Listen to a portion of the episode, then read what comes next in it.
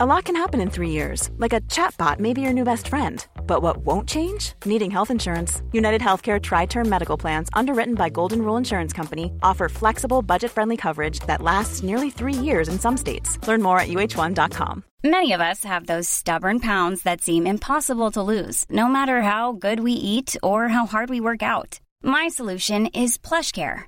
PlushCare is a leading telehealth provider with doctors who are there for you day and night to partner with you in your weight loss journey. They can prescribe FDA-approved weight loss medications like Wagovi and Zepbound for those who qualify. Plus, they accept most insurance plans. To get started, visit plushcare.com slash weight loss. That's plushcare.com slash weight loss. Cool fact a crocodile can't stick out its tongue. Also, you can get health insurance for a month or just under a year in some states. United Healthcare short term insurance plans, underwritten by Golden Rule Insurance Company, offer flexible, budget friendly coverage for you. Learn more at uh1.com.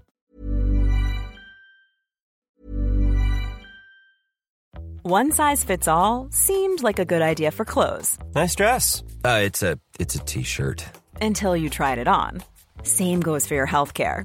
That's why United Healthcare offers a variety of flexible, budget friendly coverage for medical, vision, dental, and more. So, whether you're between jobs, coming off a parent's plan, or even missed open enrollment, you can find the plan that fits you best. Find out more about United Healthcare coverage at uh1.com. That's uh1.com. There's never been a faster or easier way to start your weight loss journey than with PlushCare.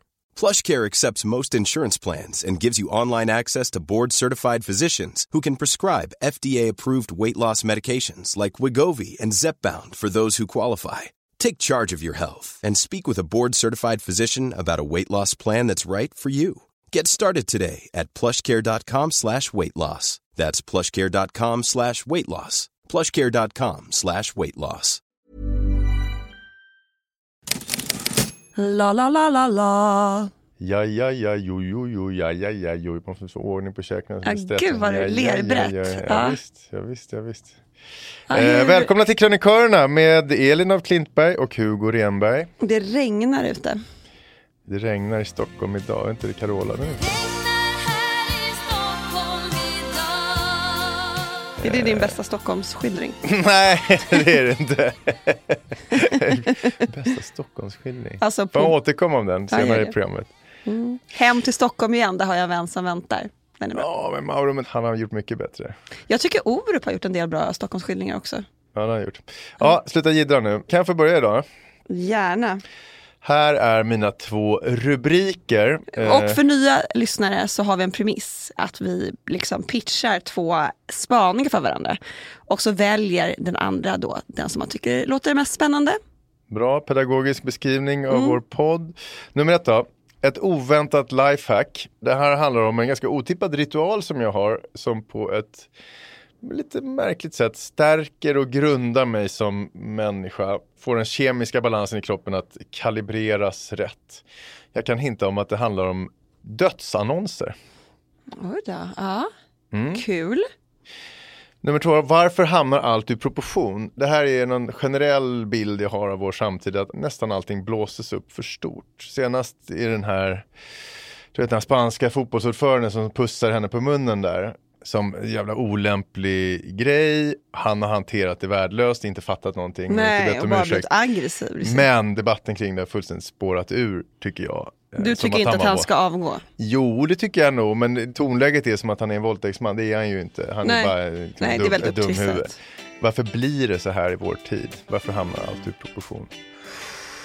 Jag är ändå lite mer nyfiken på dig Hugo och dina Ja, fin eh, vanor och ovanor. Så att, eh, kan inte du lägga ut orden om dödsannonser? Det ska jag med glädje göra.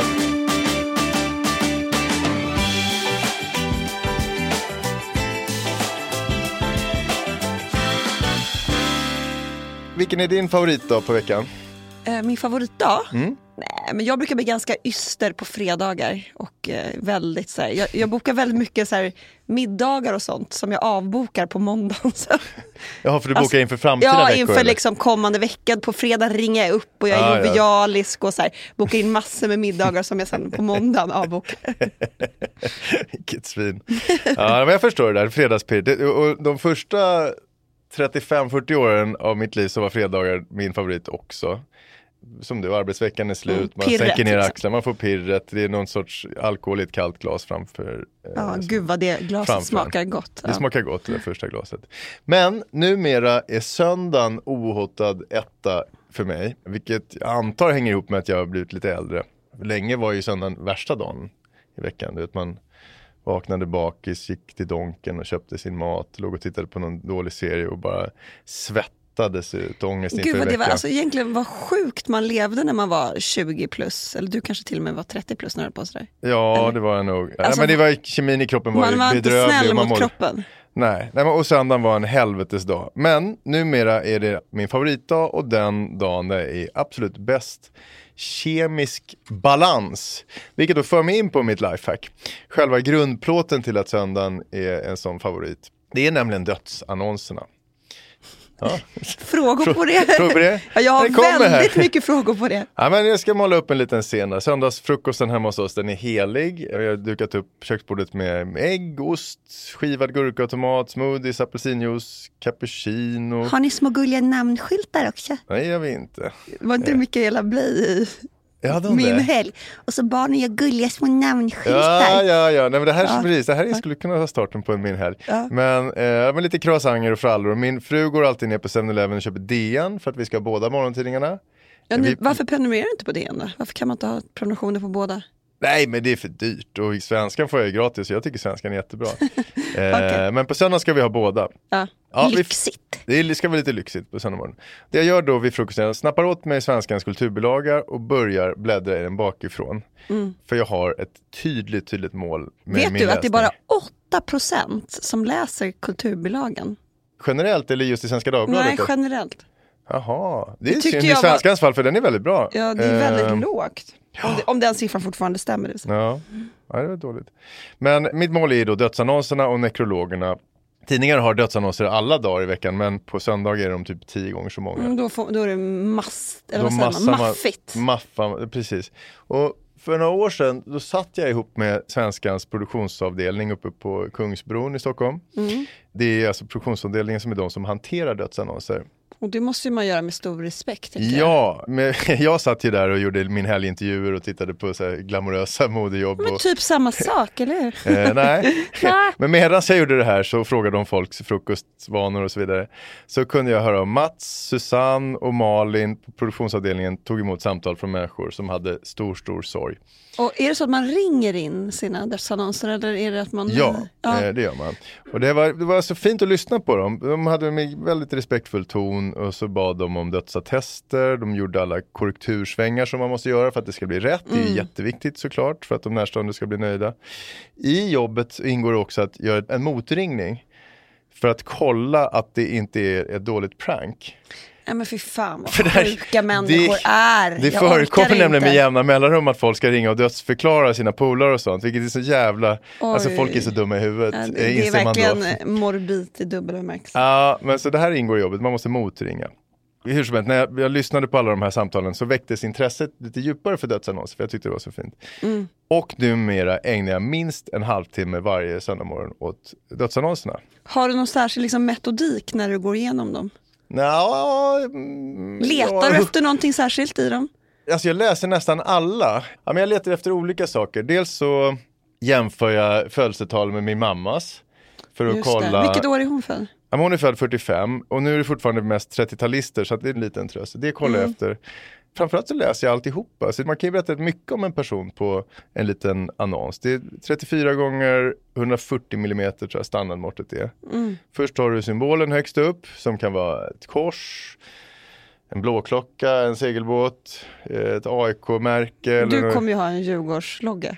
Mycket möjligt, om- min efterlevande vill mig väl. Ja. Eh, men sen har du en dödesnamn, födelse, dödsdatum, namnen på alla de närstående. ja, det brukar jag titta på. Liksom. Är det många som finns där och, eller är det bara Ja, något, ja, men det finns så namn? jävla mycket. Och sen så vilken minnestext har de valt? Eh, Nils Ferlin, Karin Boye, Bo ja. Zetterlind tror jag är väldigt vanlig. Man kan ju också se vad personen avled var. Så här, cancerfondens nummer, donera pengar. Ja, ja, Alltså, visst. man kan förstå ändå. Ja, och precis. Håkan Hellström förekommer, då kan man ge sig fan på att det är någon som har dött alldeles för ung. Om det är en Håkan Hellström undertext. Och sen längst ner har du info om begravningen, är den öppen, är den stängd? Eller... Men du är inte sån som slidar in på främmande människors begravningar? Nej, nej, inte som han Will Ferrell i Wedding Crashers. Dit har jag inte tvärtom. kommit, fast tvärtom. Men, men han går ju även på begravningar i Ja, slutet av filmen, för det, där är ännu lättare att ligga med Ja. tjejer tydligen. Ja, men, eh, och sen en intressant grej, det är om det finns två olika dödsannonser på samma person. Då kan man ju ana en riktigt jävla tuff Men det måste familjekonflikt. vara väldigt ovanligt, eller? Nej, nej, nej, inte alls. Är Då är det inte? kanske barn i olika kullar och så kan Va? de inte enas om den gemensamma sista hälsningen till pappa och mamma, gissar jag. Ja men gud vad tragiskt. Och just som jag nämnde, just nu är det flest 30-talister och de läser jag men jag stannar kanske inte upp så länge. Däremot om det är någon som har dött för ung, typ en 80 och 90-talist, Mm. då händer ofta att jag drar fram mobilen, går in på Facebook, googlar, kollar personen, gräver lite. Ja, Låter det sjukt? Eller? Eh, nej, Ja, men jag vill ha någon nej, slags men större jag- kontext. Det är, det är Jag kan verkligen känna igen mig i det där. Så att, Det är inte att jag måste, även om det är onaturligt att det är inte att jag måste veta hur personen har dött, men jag vill förstå mer och se ett sammanhang och Ja. glädjas Jo, men det, det, är en stor det är ju också en större tragik som ligger bakom när en ung människa dör än när någon somnar in i åttaårsåldern. Verkligen. Däremot den största tragiken om det är någon som var född 2013 eller fem, Oh. ett barn, det går inte, det blir för svårt. Då- eh, då, måste, då går jag vidare. över. De ger mig sån ångest och känslan av att livet är så orättvist, så då, de går jag vidare ifrån bara.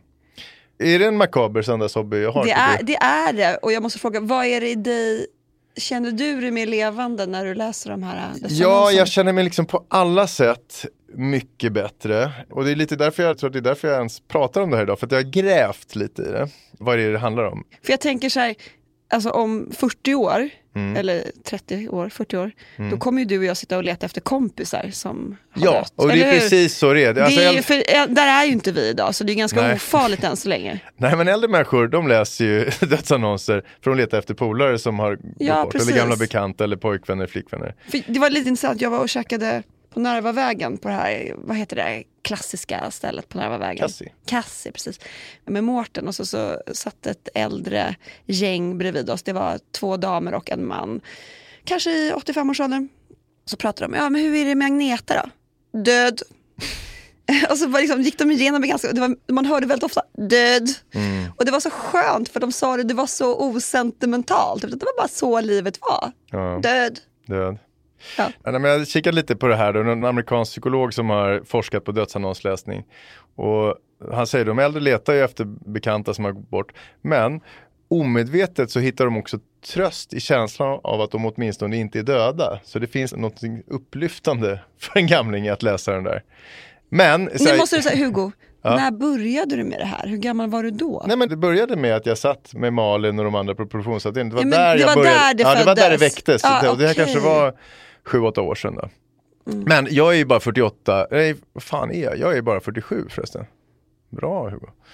Så jag behöver inte Ung den där, ung fräsch. Jag behöver inte riktigt den där kicken av att jag åtminstone inte var död. Det är inte därför jag scannar dödsannonser för att kolla stupade kompisar. Utan det måste vara något annat. Det är dels är det där med mamma, att jag kollar så att det, liksom, Ja. de är lite eh, äldre än henne är du rädd för, för hennes kommande bortgång? Ja, absolut. Då blir jag ju föräldralös. Det blir väl alltså, dels tråkigt om hon försvinner, men, Ja, men så det blir helt föräldralös. Det verkar bävar. väldigt jobbigt. Ja. Så det är Men det kan inte vara allt. Och i och med att det här verkligen är en viktig ritual för mig så har jag velat förstå ännu mer vad det handlar om. Och vad gör riktiga journalister som du och jag när man söker svar? Googlar! Man Klapp, klapp, googlar. klapp. och och eh, när jag googlade på det här så hittade jag en intervju med en man som heter Harry the Ketville, tror jag man säger. Han var redaktör för The Telegraphs familjesidor i många år. Och från honom tror jag att jag kanske har fått förklaringen. Dels då säger Harry de Ketville att dödsannonsernas och nekrologernas stora popularitet, för de är ju, det är inte bara jag som plöjer dem noggrant. De är populära. Ja, över hela världen. Det handlar om vår törst efter autentiska mänskliga historier. Han beskriver dödsannonser som själva antitesen till alla klickbeten som vi matas med numera. Det finns Alltså så inga här, lömska katter vink... som ser ut som Hitler är liksom Katter anti- som ser ut som Hitler, ja, allt som vi matas med som är konstigt. Men och, och i dödsannonserna finns inga lömska vinklar, inga dolda agendor, enligt honom då, bara ren och skär mänsklighet. mm, Det är ju sant. Eller hur? Det stämmer ju. Men en fråga. Mm. Jag tycker det är väldigt mysigt att gå runt på Lidingö kyrkogård och läsa just inskriptioner. Ja. Och där är ju lite samma sak. Att när det just blir ett litet barn, då är det fruktansvärt. Och så kan man ju läsa de här små, särskilt Povel Ramel har ju en så mysig liten Mm. dikt ju på sin. Där man kan stå och skratta lite och sådär. Men är du lika fascinerad av att gå runt på kyrkogårdar och titta Nej, på? jag hittade till den här djurkyrkogården på Djurgården och tyckte den var väldigt fin, kommer jag ihåg. Nej, men inte riktigt lika mycket, men det finns ju ett lugn på en kyrkogård som är Mm. fint tycker jag. Men det finns kyrkogårdar som har rena så här stjärnstatus, typ så här Père Lachaise till exempel. Ja. Paris, alltså när Är folk det Jim kom- Morrison? Eller Ja? Jim Morrison. Men det finns ju många sådana som man åker till för att liksom... ja, har du varit där? Jag har inte varit Ja, där. jo. Ja, men sen kommer då Harry de Catteville till det som kanske är allra viktigast, tror jag. När vi människor läser bra historier, som de här små, små skärvorna av ett mänskligt liv verkligen är, så frisätter hjärnan ett ämne som heter oxytocin. Mm. Eh. Oj, har man ammat har man känt av det. Exakt, det är det är amningshormonet. väldigt mysigt. Det är liksom ingenting riktigt som kan liknas vid det. det är... Nej, Väldigt eh, mysigt. jo det kan, Jaha, nej precis, ska precis som att läsa dessa annonser. Ja, men det är en liten mirakelsubstans som Eh. ökar välbefinnandet och stärker bandet till andra människor som då till lilla bebisen. Ja. Den får dig att känna dig mer levande och det här är ju då det märkliga i hela det här. Alltså, historier som börjar med att någon har dött kan få oss att känna oss mer levande. Ja. Och sitter du liksom och så här högläser lite och Nej, nej, det här måste jag göra för mig själv. Och indirekt kan man ju säga, då är privat. nästan dödsannonsläsning ett sorts knarkande men billigt och helt ofarligt. För det handlar ju om en kemisk reaktion. Som du vill åt. Men det funkar. Och det är inte så att den, för jag menar, som med alla droger så måste man ju ha mer och mer. Det är inte så att du ligger och typ sover i dödsannonser. Nej, det gör jag inte. Det finns ju, jag kan ju läsa engelska och franska dödsannonser då också ifall jag måste suga åt mig mer. Fast men... där tror jag inte att man känner samma koppling. Nej, kanske inte. Det Nej, jag har inte kommit till den att jag måste ha liksom kopplingen. ett större fix ännu längre. Men Nej. den här halvtimmen dödsannons Dina läsning på söndag räcker morgon. gott nog. Ja, det gör att jag kan ta mig an världen som, och all, alla som befolkar med liksom ett ljust, milt sinne. Alltså, jag har ett öppet sinne ju och jag kan förstå allt det här men det kan ju vara så att vi har lyssnare som tycker att du är en sjuk jävel nu. Ja. Men det här är i alla fall mitt lifehack. Varsågoda. Okej.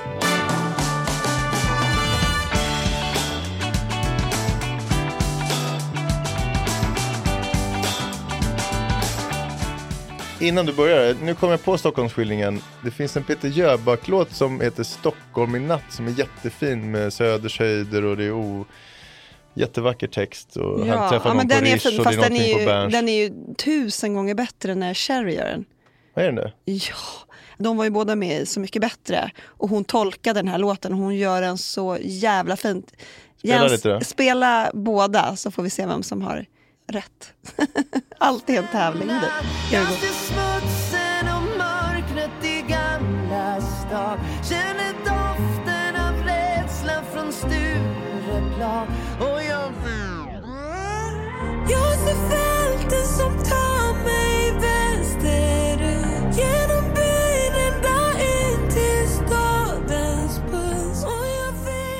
Fan vilken fin frasering, vad fint hon sjunger. Jag älskar ju den här grundtexten. Det ligger ju närmare mig det här att vara på Stureplan och på Jaha, en Söders höjder. Järvafälten. Ja, de gröna fälten, jag har inte varit där så mycket. Men Nej. fan vad vackert hon sjunger. Ja. Ja, det var bara en parentes, nu är det du som ska Ja, prata. jag har två spaningar och jag tänkte vara ganska kortfattad idag. Mhm. Jag känner mig liksom stringent. Den första handlar om den Kan ta- vi tajma det här då Jens, när hon säger att de ska vara kortfattade? Jag- tror nämligen inte på det, men visst. Ja, den första spaningen handlar om den talande rösten. Om varför en lägre och mörkare röst utstrålar makt och auktoritet medan en ljus och tunn säger motsatsen. Mm. Det är första spaningen. Och den andra handlar om varför har det börjat rycka i äggstockarna när butiken är på väg att slå igen för alltid. Fattar du vad jag menar? I äggstockarna, alltså du känner att du vill ligga med någon när en butik ska stänga inte, nej, jag Du vill det- skaffa barn med Ja någon? precis. Jag är ju 45 nu och det är ju sista chansen. Efter 45 är det nog inte så Jaha, himla- butiken är du helt enkelt? Ja, jag är butiken Jag och jag är fattar. 45 och men nej, alltså rent logiskt sett, vi har fem barn hemma. Jag vill, absolut, orolig om 70 så att det skulle liksom jag vill absolut inte ha ett till barn egentligen, men det är bara för så här, det är sista chansen, då händer någonting i en kvinnas kropp på något sätt. Så där. Tänk om, det är sista chansen att bära ett barn. Ja, Men då... Där är har du liksom mina ur två spaningar. Hållbarhet och allmänt, så du har ju nog nu. Kan jag säga. Ja, men då det- jag stanna dig där, utan du har, vad har du, 18 barn? Jag har två biologiska barn och tre bonusbarn. Mm. Ja, du har en liten amish-familj, det får räcka nu. Okej. Vi tar rösterna, röster är kul. Ja, ja, okej. Ehm, Röster är alltid roligt. Vad har du för spännande att säga om det där? Ja men vad bra, vi kör på rösten då. Vi hade gått på en enda dejt, jag och mannen. Och eh, sen hade vi intensivt mejlat och messats och så var det dags att ringa honom. Alltså den här mannen då som idag är min man. Och jag var rejält jävla nervös. Hjärtat bultade och jag pressade luren mot örat och så hörde jag hur signalerna gick fram. Och då säger han, men vad ung du låter. Det är det första han sa. Och jag tror inte att han alls la någon värdering i det här. Men jag skämdes. För jag ville ju att han skulle uppleva mig som en så stark, eh, självständig kvinna, du vet med Q. Och inte som en liten flicka med ljus darrande röst. För frågan, det kan inte finnas två Elin då? Den ena den politiskt medvetna Elin, barrikad-Elin och så den andra lite eh, sexiga flick-Elin som vill försöka fånga en man på det sättet hon tror man fångar en man. Så Oj, du, du talar, till mitt, hade du talar liksom, till mitt omedvetna nu. var, var lite Lolita-flickig sådär. Ja, men jag liksom så här För det här skruvar en korkskruv på, på Killar fingret. klarar inte liksom det där. Nej, men så kan det ju faktiskt vara. Mm. Men jag tror Det att... det ju. Det Vi funkade. om Robert. Jag snärjde honom. Men jag tror att många kvinnor känner igen sig i det här faktiskt. För att redan under tonåren får vi tipset om att, eh, och det här kan vara från lärare och föräldrar och så, att vi ska sänka röstläget för att bli tagna på allvar. På röstcoaches hemsida, jag gjorde lite googling igår, då står det att kvinnor ska gäspa stort Funkar det? innan viktiga samtal. För då sänks rösten automatiskt. Prova igen då. Då kör vi. Oj, ja, det där är För kraft. så är det, en mörkare, lägre och djupare stämma signalerar mycket mer pondus än en ljus. Mm.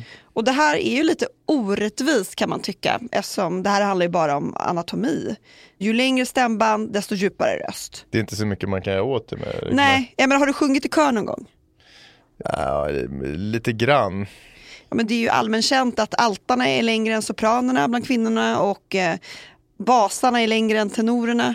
Mm. Jag menar, är du längre så tenderar du att ha längre stämband och då har du oftare en mörkare röst.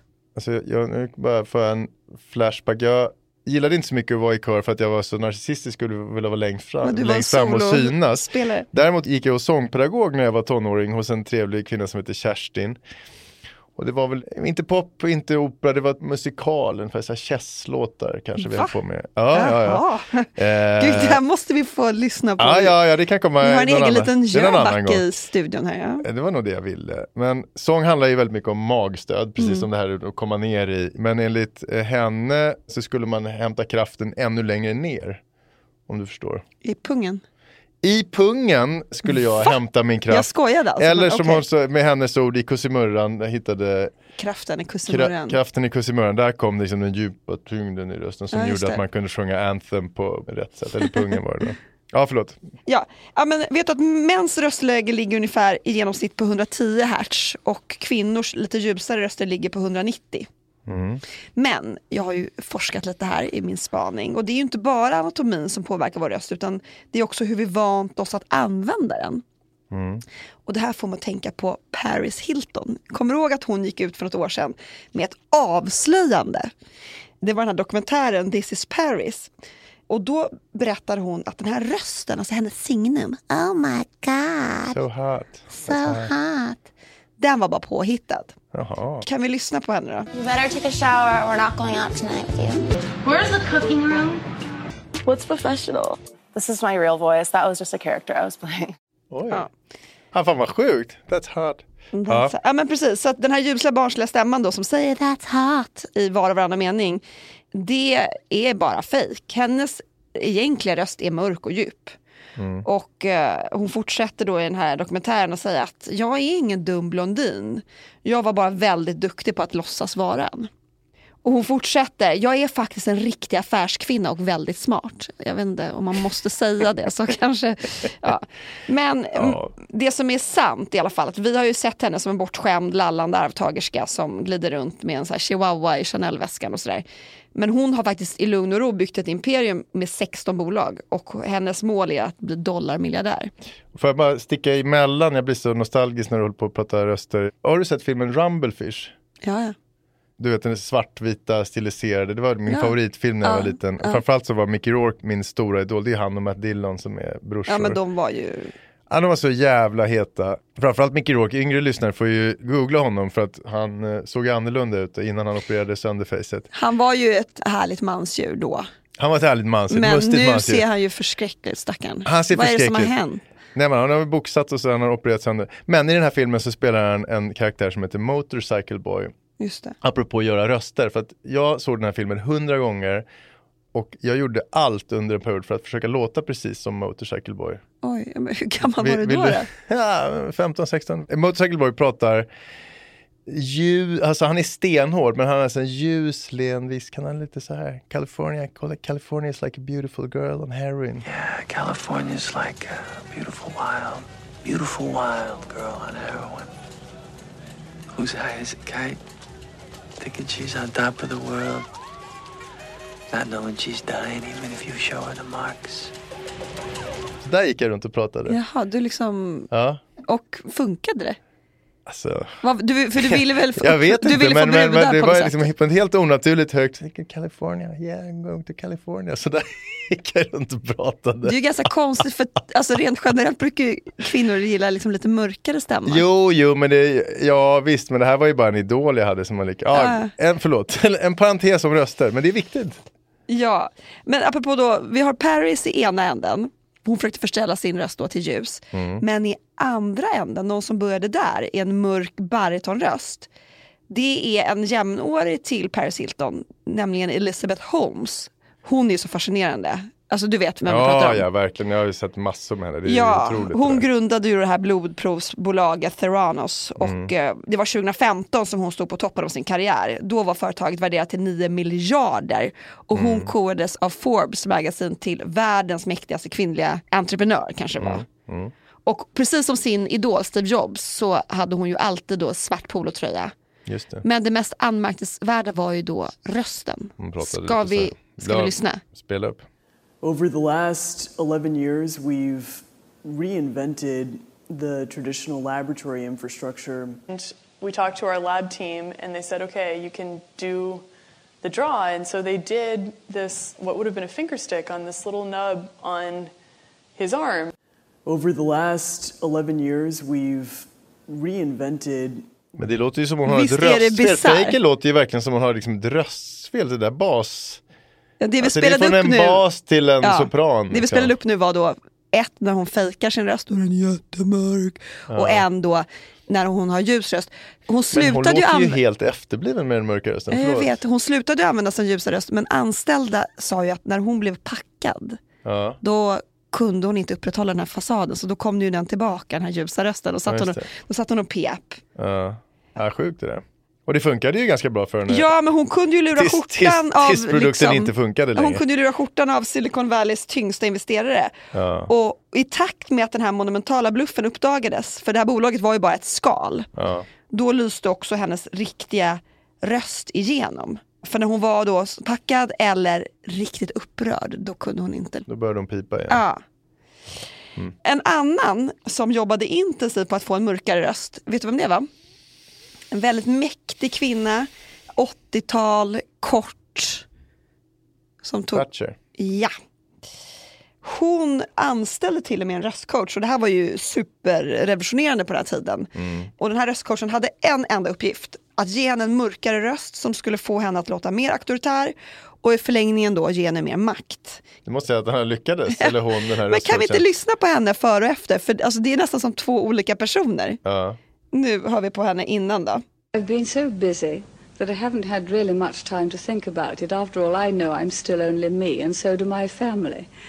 But I'm very much aware of the responsibilities.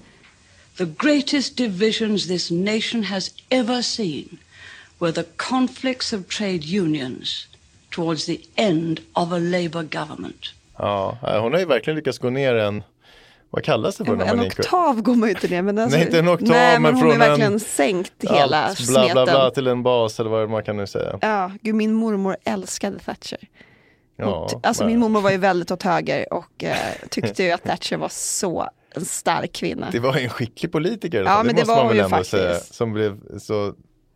Ja, och rösten var hennes hjälpmedel. Ja, men det men är därför det är intressant ju. Men sen finns det också kulturella skillnader vad gäller röst. Vet du till exempel att amerikanska kvinnor talar med en mycket ljusare röst än just nordeuropeiska och, svenska kvinnor? Nej, det är ju otroligt intressant. Eller vad, vad hur? handlar det om? Nej, men jag funderar på vad handlar det om? Det måste ju vara hur vi ser på kvinnorollen i stort och vad vi liksom har för ideal kring kvinnorollen. Jaha, så du menar att alltså, kvinnorörelsen har kommit längre på våra breddgrader Ja, än där? ja, det eller i samma breddgrader, men på, här borta? Ja, att, eller att det är viktigare på något sätt att ha en feminin aura eh, i, Mm. i, i vissa kretsar i USA. Då. Jaha. Men sen sociala strukturer kan ju också påverka hur vi använder vår röst. Jag menar jag är ju yngst i en syskonskara. Jag vet inte om det här gäller för mig, men tydligen då så utvecklar man en vana att prata med en ganska stark röst för att just bara höras, ta plats. Jag känner mig faktiskt lite träffad här, men du som ensambarn kanske inte kan relatera till det. Men man, Nej, nej, alla lyssnade på mig. Men Ja. ja, ja, så den yngste tar plats. Precis, det är och sen får ju många röster. höra att man har precis samma röst som sin förälder eller sitt syskon. Mm. Och det stämmer faktiskt, för att röster kan också formas hur vi pratade i familjen, alltså där vi växte Mm. upp. Det är klart. Det är ändå intressant tycker jag. Det- Men sen måste det väl vara biologiskt också, att stämbanden måste Ja, väl att de som allt annat varandra. likna. Ja. Men visst, det är väl klart att man här apar efter den som man lyssnar på. Mm. Men jag har också tänkt på det här att, att tala med en röst som inte stämmer ihop med den man vill vara är ju förknippat med väldigt mycket lidande. Jag tänker på transsexuella och, och så vidare. Alltså man inte riktigt har den rösten som man Nej, visst. känner sig som så att säga. Visst. Men det finns ett klipp som har blivit viralt och det är så grymt. Uh, usch, jag kan knappt titta på det här men jag tänker att vi ändå ska titta på det här tillsammans. Det är en holländsk talkshow och där sitter programledaren och pratar med två rullstolsburna, en man och en kvinna. Ja. Och först börjar kvinnan prata och sen då ska jag visa vad som händer då när mannen i rullstolen börjar. Låt oss lyssna på det, det låter spännande. Ja, uh, eerst met die over ongeloof. Ongeloof is eigenlijk het juiste woord. Ongeloof is eigenlijk het juiste woord wat Rijke hier hanteert. Als je met seks omgaat, is het, is het niet alleen het fysieke dat telt, maar ook soms de, de lieve woordjes. Ja, Fan vad sjukt, det här är han sig. fruktansvärt. Nej, och han sitter bara och skrattar och skrattar och den här stackars mannen med den här Vad dumma de var som livesände. De I det här fallet de borde ju bandat det och kunnat ta bort det. Men jävlar vad roligt. Ja, men jag tycker så hemskt. Men det är ju lite som när man hörde, minns du när man hörde David Beckham prata första gången? Nej. It's um, I think I, I think a lot of people like to see us holding hands and, and smiling all the time. You know, it's not something we just do at home. Alltså han har ju världens lökigaste röst ihop med den där liksom, Men det är ingen talkshows-host som har skrattat åt honom på det här sättet. Nej, men jag tycker det här är fan, Nej men det här är ju någonting annat det här är såklart. fan ren och skär mobbing. Alltså, vad, tror du, vad hände med den här talkshow-världen egentligen efter? Förmodligen förlängd säsong för det var ju många som tittade på det där. Nej, vad, Det är jag, hoppa, jag hoppas faktiskt att han fick sparken för det här är sånt jävla övergrepp alltså. Ja. Okej, om vi ska summera Vad spaningen har vi lärt oss av Elin idag? Ja, att om ni vill lyckas i livet så sänk rösten. Men är det så enkelt verkligen? Nej. Kan man säga det? Så är det väl Nej, inte? jag känner bara så här, fan kan vi inte bara sluta låtsas att man är en bas om man är en bariton eller att man är en alt om man är en sopran. Sluta leka Mickey Rourke också för den delen. Ja, men det har jag gjort. Det var. Ja. Jag tycker vi ska anamma vår egen röst och klang och lära oss att älska den. Åh, vad fint. Nu blir jag Deepak Chopra igen. Halleluja. Ja, Ja, mitt första steg att lära mig att älska min röst, det är att gå hem och lyssna på den här podden. ja. Ja, det är inte helt enkelt för att jag menar, min röst låter inte alls som den gör i mitt huvud när jag lyssnar på den. Det är fan Nej. plågsamt. Jag tänker så här, vem är den där lite blåsta bruden som pratar? Ja du, vad fan är du? Ja, men Tune in nästa gång så får du veta mer om den här lite blåsta bruden som tydligen lyckas zigzacka sig fram i livet ändå. det har gått Här bra ändå. du. Men jag har ändå tänkt så här, eftersom innehållet i vår podd ändå är så pass spänstigt så ska, det nog, så ska det nog gå bra ändå. Sa flickan. Ja. Tack.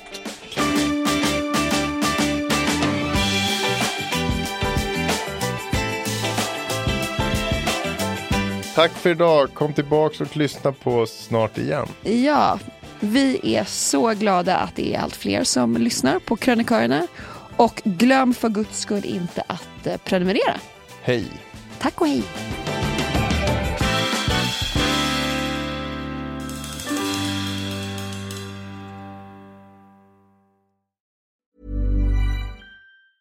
Ever catch yourself eating the same flavorless dinner three days in a row?